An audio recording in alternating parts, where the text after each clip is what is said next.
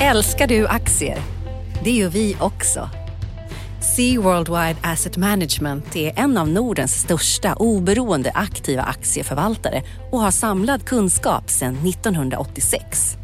Ta del av vår kunskap på seaworldwide.se. Bokstaven C worldwide.se.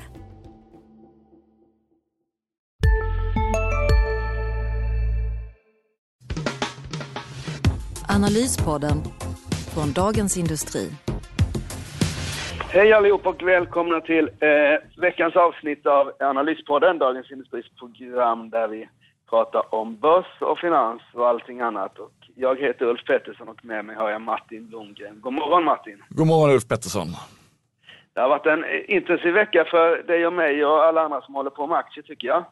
Ja, det får man minst sagt säga. Vi visste ju att det var rapportflod av eh, större mått eh, och ovanpå det så har vi ju haft eh, att farbror Melker drar ner på takten. Ny vd på Ericsson, bud på Nordnet, kronan genom, bakat igenom 9 kronor mot dollarn och så vidare och så vidare. Så att det finns att prata om. Ja, finns det någon, finns det någon liksom Finns det, finns det något, något som liksom knyter ihop det här eller är det liksom... Eh, man får, eller man får nästan ta det en och en egentligen eller? Det, har inte, det hör inte samman med en och samma sak egentligen. Nej, det känns som att det är eh, att man har blivit beskjuten med hagelgevär den här veckan från alla möjliga håll. Ja, det stämmer. Okej, vad tycker du vi ska börja med då? Vad är mest, vad vill du, vad vill du avhandla? Ja, vad, vad ska vi ta? Eh, börsen som helhet, om man tar tillbaka två veckor sådär innan rapporterna börjar så kom det ju den här veckan med eh, en massa vinstvarningar som skrämde upp oss med eh, Ericsson och Eltel och, och så vidare. Och det ja, vissa, någon finna också. Ja, det var någon finna också, Wärtsilä och eh, NCC. Eh, men den, den oron har inte riktigt, tycker jag, besannats i rapporten utan de flesta har faktiskt varit som väntat eller bättre. Eh, det är liksom den övergripande rapportbilden. Sen är det inget som riktigt har tagit fart heller. Det är inte så att verkstad har ryckt utan Atlas Copco som var först ut kom med bra siffror, eh, bra orderingång, eh, bästa på flera år i tillväxttakten i order och gruvsidan har pignat till precis som man började se i andra kvartalet och sen så har de andra Eh, verkstadsbolagen kommit in med ja, men helt okej. Okay. Det, det, blir inte sämre, det blir inte så mycket bättre, det planar ut och det är oförändrat inför fjärde kvartalet. Det är liksom den samlade bilden.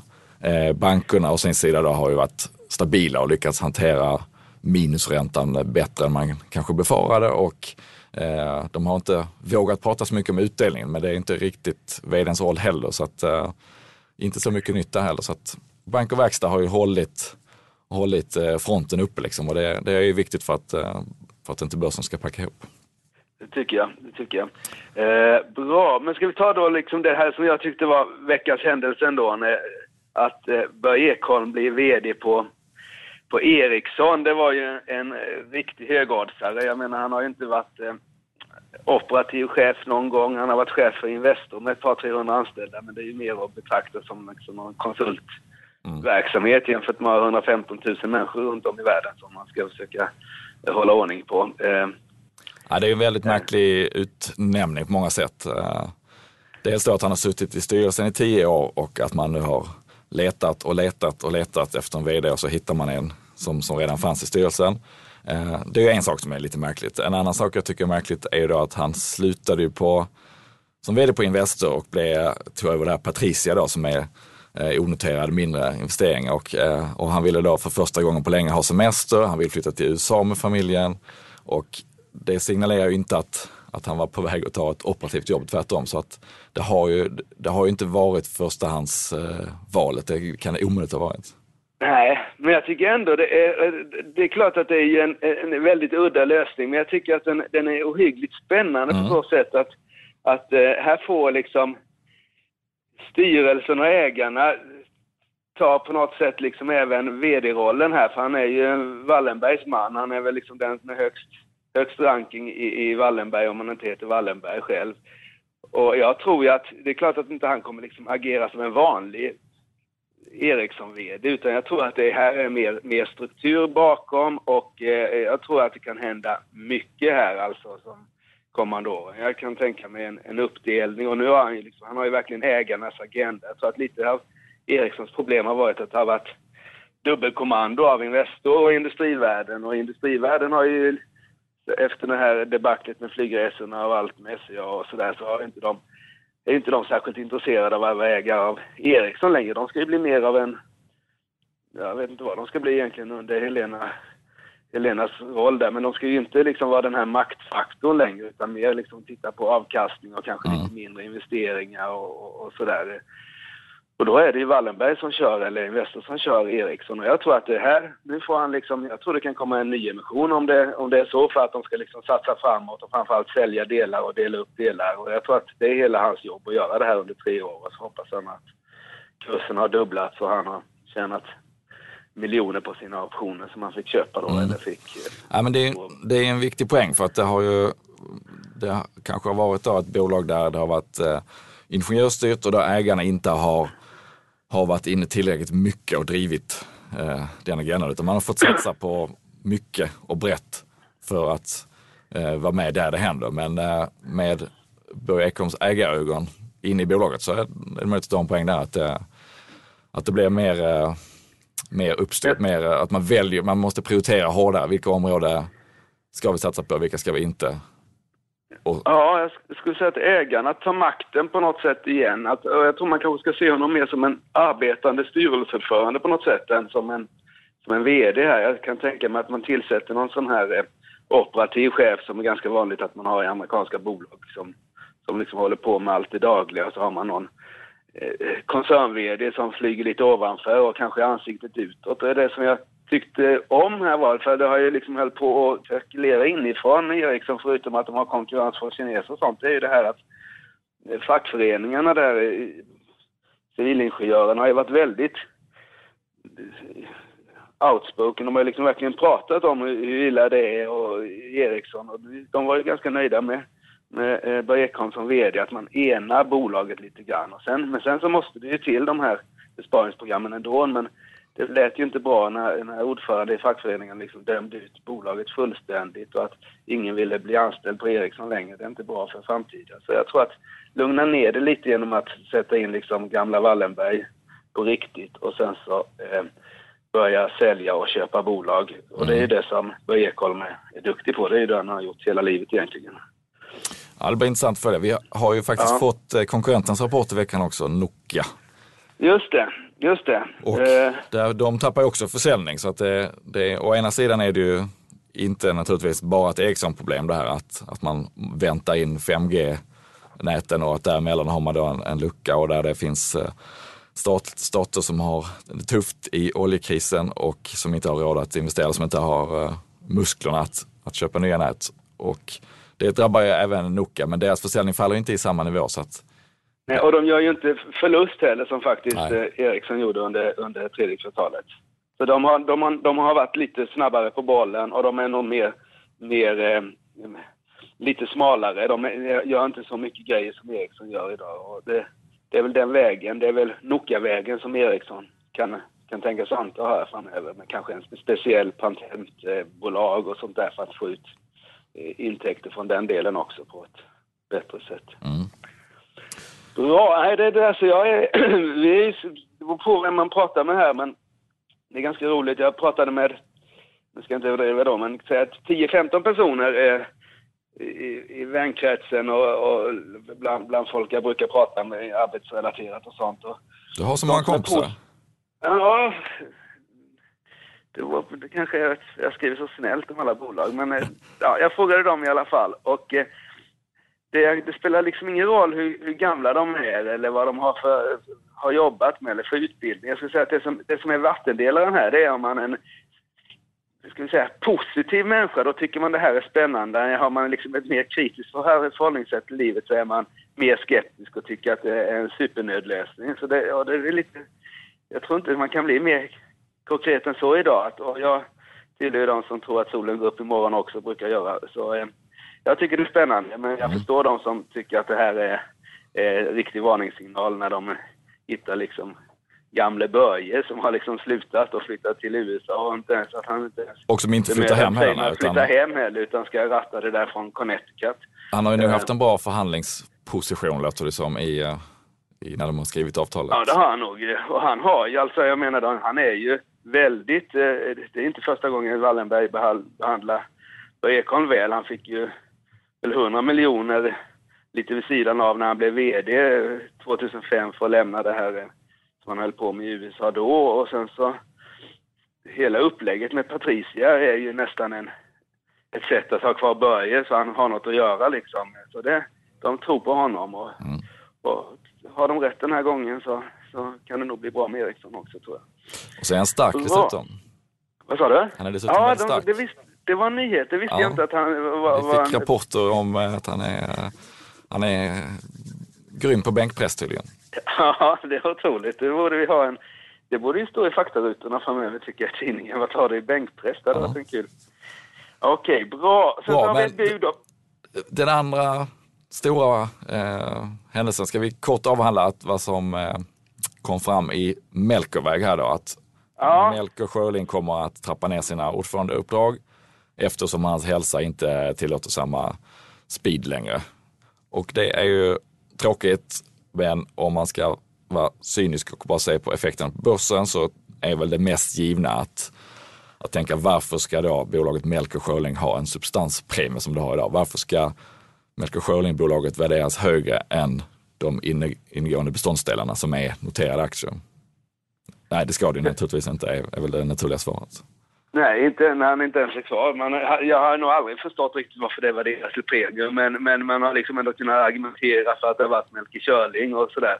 Uh, men, eh, ja, och man kan ju dra upp en kursgraf bakåt. nu när inte han är med längre så, så, så ju... finns det inget argument alls. Nej, men du kan dra upp en kursgraf bakåt och så kan du se om det var rätt att köpa till premie eller inte. Så att har man varit långsiktig så har det ju varit rätt att köpa det här bolaget. Även om det varit en premie. Ja. Så att, att, bara gå på substansrabatten i investmentbolag, eh, då riskerar man att, eh, att köpa de som inte presterar bra. Men i det här läget när, när eh, källan till de smarta idéerna förmodligen då inte är aktiv längre, då, då är det svårare att motivera premien. Ja, absolut. Det tycker jag. Eh, och jag, vi får se här vad, vad det betyder för något eh, egentligen. Eh, eh, jag, jag har svårt att säga. Jag tycker mig kunna liksom i bak, i, bakåt se här exempelvis den här stora försäljningen, försäljningen av Loomis de gjorde, att det kanske var liksom, det kanske hade att göra med det här att man ville liksom inte, man ville för det är det bolaget i, eller i Melker Körling-bolagen som har det krångligt. Mm. Eh, och, och, så att säga ta bort det här som är lite, lite jobb med om Melker skulle sluta. Skulle säga att det var liksom en anledning till Loomis-försäljningen som det framstår mm. idag då helt enkelt. Men det är ju tråkigt, men han är ju 70 också så där, och, och ingen lever för evigt vad vi vet hittills i alla fall. Så har vi haft bud på en av våra två nätmäklare. Just Nordnet. det. Vad tycker du om det? Eh, jag tycker att motiveringen är intressant att de vill ta, de eh, ägarna då, Öhman tillsammans med eh, Nordic Capital var det väl, vill plocka mm. bort det från börsen därför att de måste göra stora investeringar som man inte, inte tror att, att det är en bra miljö att vara i på börsen när man gör dem. Och ja, det är ju lite intressant. Det, det, på båda sätt, det är intressant för att de inte har det förtroendet för att övriga aktieägare skulle kunna eh, se bortom den Sista dagarna nu på vårens stora season sale. Passa på att göra sommarfint hemma, både inne och ute. Och fynda till fantastiska priser. Måndagen den 6 maj avslutar vi med Kvällsöppet i 21. Välkommen till Mio. Med en värld i gungning blir det viktigare än någonsin med kunskap och diskussion. Att värna det fria ordet, för livet och demokratin. Så när du trodde att du visste allt, har vi alltid lite till. Privata affärer plus allt All journalistik du behöver, samlad. Prova en månad gratis. Investeringspuckeln och det är ju, är ju intressant att de som då, deras jobb är att hålla på med börsen, att de inte har högre förtroende för att man kan se, se längre bort än ett par kvartal är intressant tycker jag.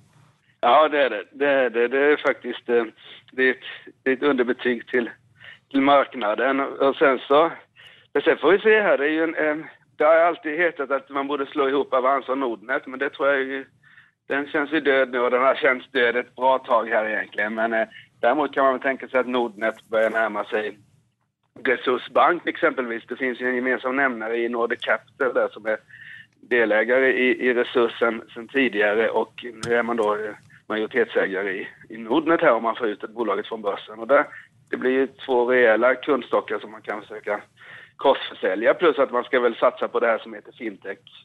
Och så det tror jag, för det som har, det som har varit med de här två Nordnet eh, och i ännu högre grad Avanza, det är att de har varit väldigt försiktiga med att att utnyttja sin kundstock. Eh, jag skrev om eh, Avanza här för ett tag sedan. De har alltså 200, över 200 miljarder har folk satt in i deras system så att säga. Men det, det är inte mycket, det är inte mycket, mycket pengar som kommer till Avanzas del egentligen. De har inte varit, de har varit försiktiga. Nu har de lite bolån och sådär. Det är ju inte, det är inte särskilt mycket och inte mycket kort och inte mycket betalningslösning och inte mycket liksom rådgivning och sånt där. Och de har ju varit väldigt försiktiga med det där och det har ju sig gjort att varumärkena har blivit starka då, att de inte mm. eh, uppsköter sina kunder. Men jag tror att Nordic Capital har nog mer, har nog, tänker nog mer på pengarna där. Så det kan nog hända ganska mycket inom, inom Nordnet. Men jag håller med om att det här borde ju liksom, det här borde kunna hanterats under, under, under börsen. Men det är klart att Öhmans ja, de kanske inte vill göra de här investeringarna själva och är det några som har pengar i världen så är det Nordic Capital. Mm. Det ja, det är inte omöjligt att vi får se dem komma tillbaka när de är det, det, det får vi, ombyggda. Det får vi säkert. Och något som kom tillbaka här efter, ja hur många år är det egentligen? Det är väl 86, eh, 25 år eller något sånt där i alla fall. Ahlsell, gamla börsbolaget Ahlsell kommer tillbaka till marknaden här idag. Mm. Eh, det är också en intressant händelse.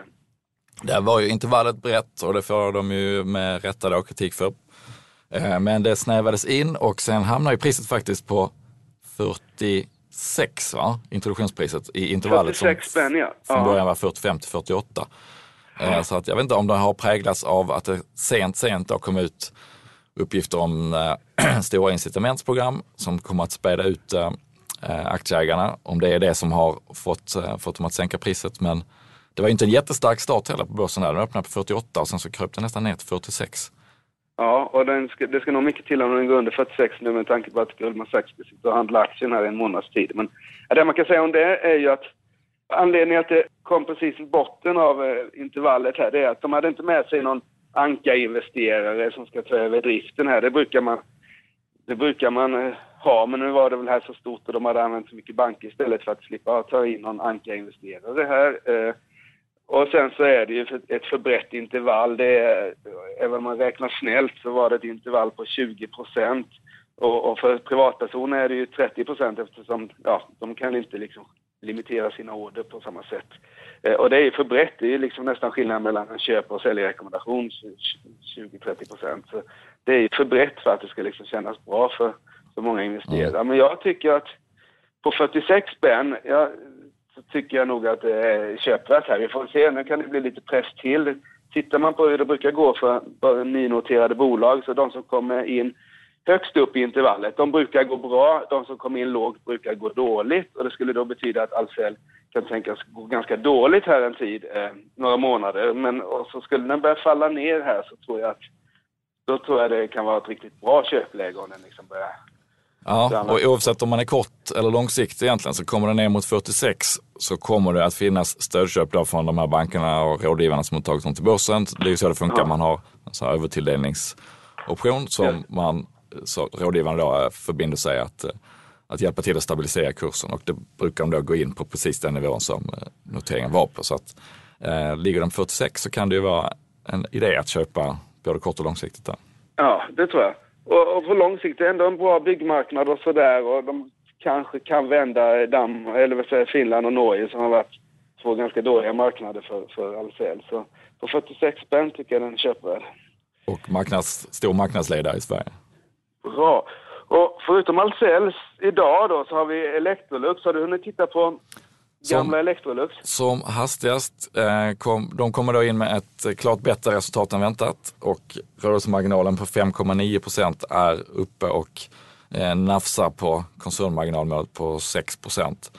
Eh, sen sänker de marknadsprognoserna lite, både i Europa där det framförallt är Brexit i UK de pekar på och Nordamerika där det varit lite svagare statistik. Men jag tror inte det var någon överraskning direkt därför att eh, Whirlpool, konkurrenten i USA, hade sänkt sina eh, marknadsprognoser lite tidigare och det har varit, man får den här månadsstatistiken när det gäller amerikanska vitvaror. Så där har man sett att det har varit lite, lite trögare. Men eh, det de gör internt nu då med kostnadsinitiativ och att ändra produktmixen mot mer högmarginalprodukter, det verkar ju bita och den vd nu, Jonas Samuelsson, som tog över efter Keith McLaughlin, hans claim to fame inom bolaget var ju att han fick verkligen upp eh, lönsamheten i Europadelen och nu ska han ja. få, få det att fungera i hela bolaget och eh, det ser faktiskt ut att vara, att vara på rätt väg.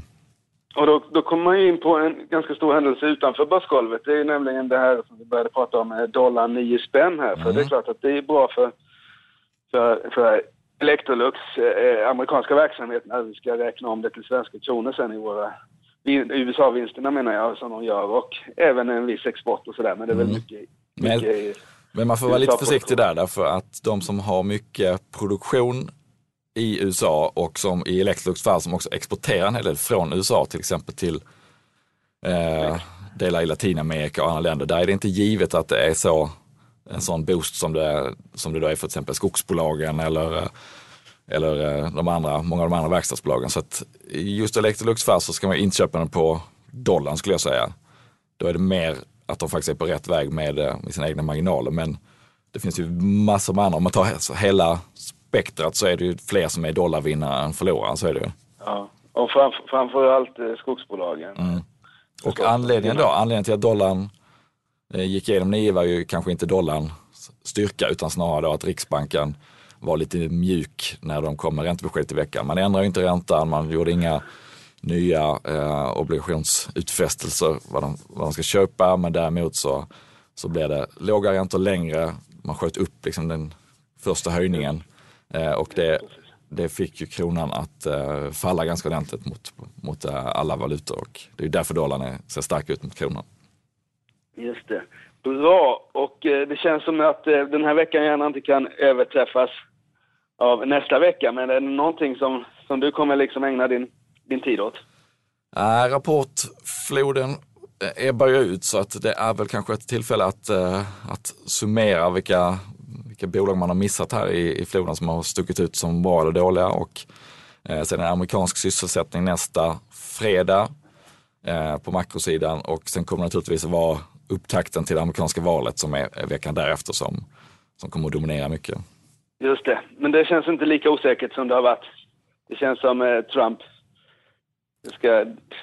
Det, det, det är liksom överraskning om han, om han eh, skulle vilja. Det verkar så, men vi minns ju hur det såg ut när Hillary flackade till på väg in i en bil för en månad eller två sedan. Då, då hände det grejer, vem vet om hon Ja, hon kanske snubblar igen och då är det... Ja, om hon får en sviktande hälsa på, mitt uppe på podiet, då, då kan vad som helst hända. Ja, så, så är det. Och sen lite rapporter. Jag vet Unibet kom exempelvis och det har ju varit lite blandat. Eh, Betsson drog iväg medan de här underleverantörerna, Net Entertainment och sånt där, har haft det lite jobbigare under ja, rapportperioden. Och eh. sen, det, det, finns ju massor med andra saker att, att uh, följa upp senare som, som har kommit på fredag morgon här. Om man bara kort drar att Novo Nordisk, danska eh, diabetesjätten, sänker sina långsiktiga eh, tillväxtmål för, eh, för rörelseresultatet från 10 till 5 procent om jag snappar upp det rätt. Aktien ja. störtdök 15 procent direkt och eh, precis som Ericsson som är en nationalklenod, eller var det tidigare i alla fall i Sverige, så är ju Novo Nordisk den stora spelaren på Köpenhamnsbörsen. Ja. ja, det är ju fortfarande, det är fortfarande Nordens största bolag fast det, eh, det, det, avståndet till eh, Statoil och de andra och, och minskar ju seriöst här. Ja, de har fallit 40 procent sedan årsskiftet nu aktien i ja. ungefär i samma nivå ja, det, som Ericsson. Så att, uh... Och det, det, det är ju en, det är en allmän, allmän prispress i, till, på de som levererar till, till offentlig sektor framförallt då liksom eh, sjukhus och sånt där. Och de, och det är amerikanska priser som är problemet. För ja, och de byter vd. Och, uh, men det är som en, eh, kanske en allmän varning att, att bara titta på att det finns en bra slutmarknad som gäller då telefoni eller datatrafik eller att folk blir feta. Det, den analysen är ju rätt, men den räcker inte för att det kan ju, man får ju aldrig ha en, en sån här eh, godbit i fred.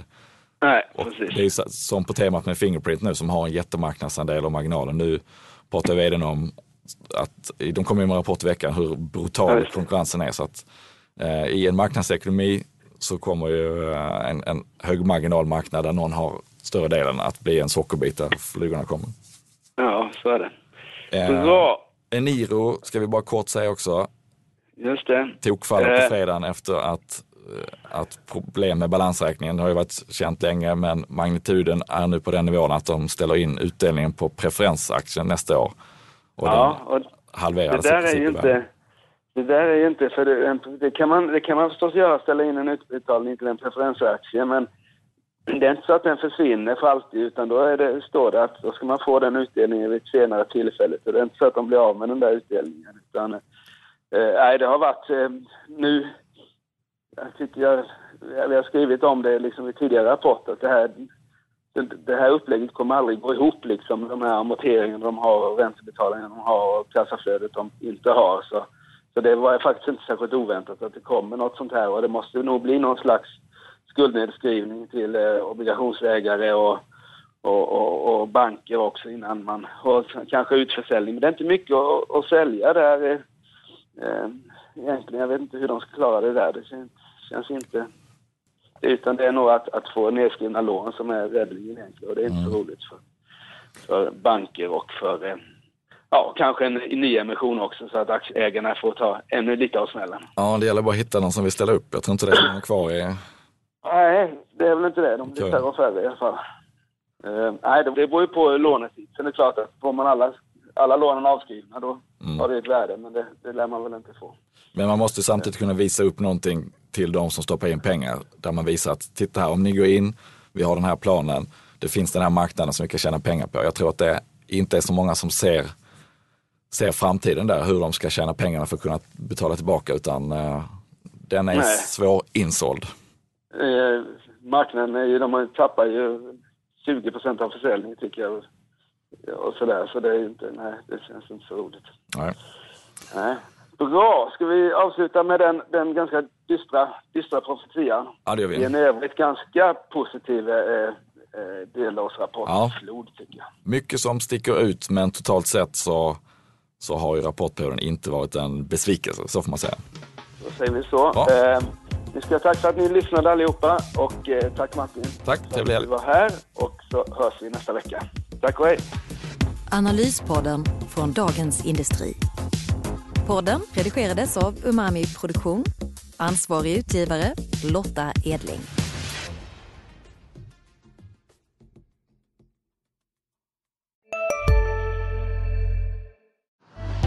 Älskar du aktier? Det gör vi också. Sea Worldwide Asset Management är en av Nordens största oberoende aktiva aktieförvaltare och har samlad kunskap sedan 1986.